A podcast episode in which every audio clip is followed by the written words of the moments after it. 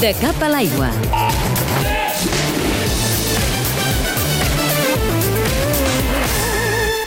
La jugadora catalana de waterpolo, Ania Spar, ha estat una de les grans protagonistes aquesta temporada als Estats Units, on ha aconseguit la Lliga Universitària de Waterpolo amb l'equip Trojans, després de marcar el gol decisiu a la final. Portàvem uns quants atacs sense fer res i havíem de treure almenys una expulsió o fer alguna cosa i estàvem tan lluny, la ja no tenia posició i dic, bueno, haig de llançar i fer gol.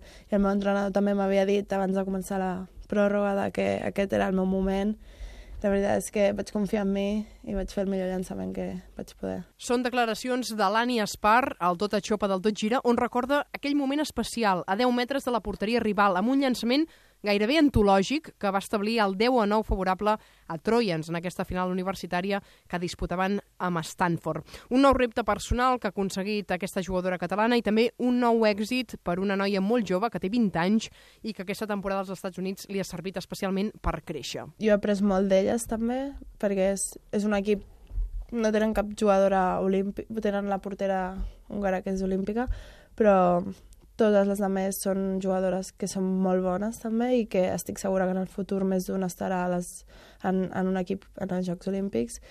I la veritat és que tècnicament en saben molt i m'han ensenyat. A l'entrenador, tots els entrenadors també m'han aportat moltes coses. I després que jo crec que hagi aportat a elles és um, saber llegir el joc, jugar tranquil·les i bueno, um, fer-les creure en elles mateixes també que, que, que podíem guanyar aquest equip. Al principi feia 3 anys que no guanyaven a Stanford i arribar allà i el primer campionat que vam jugar, que era un torneig, guanyar-les de 3, totes en aquell moment van creure. Jo des del primer moment m'ho havia cregut i crec que vaig contagiar això. L'Ani ha tornat a Catalunya per centrar-se en el Mundial d'aquest estiu a Barcelona, on vol posar la cirereta a la temporada aconseguint una medalla davant la seva gent.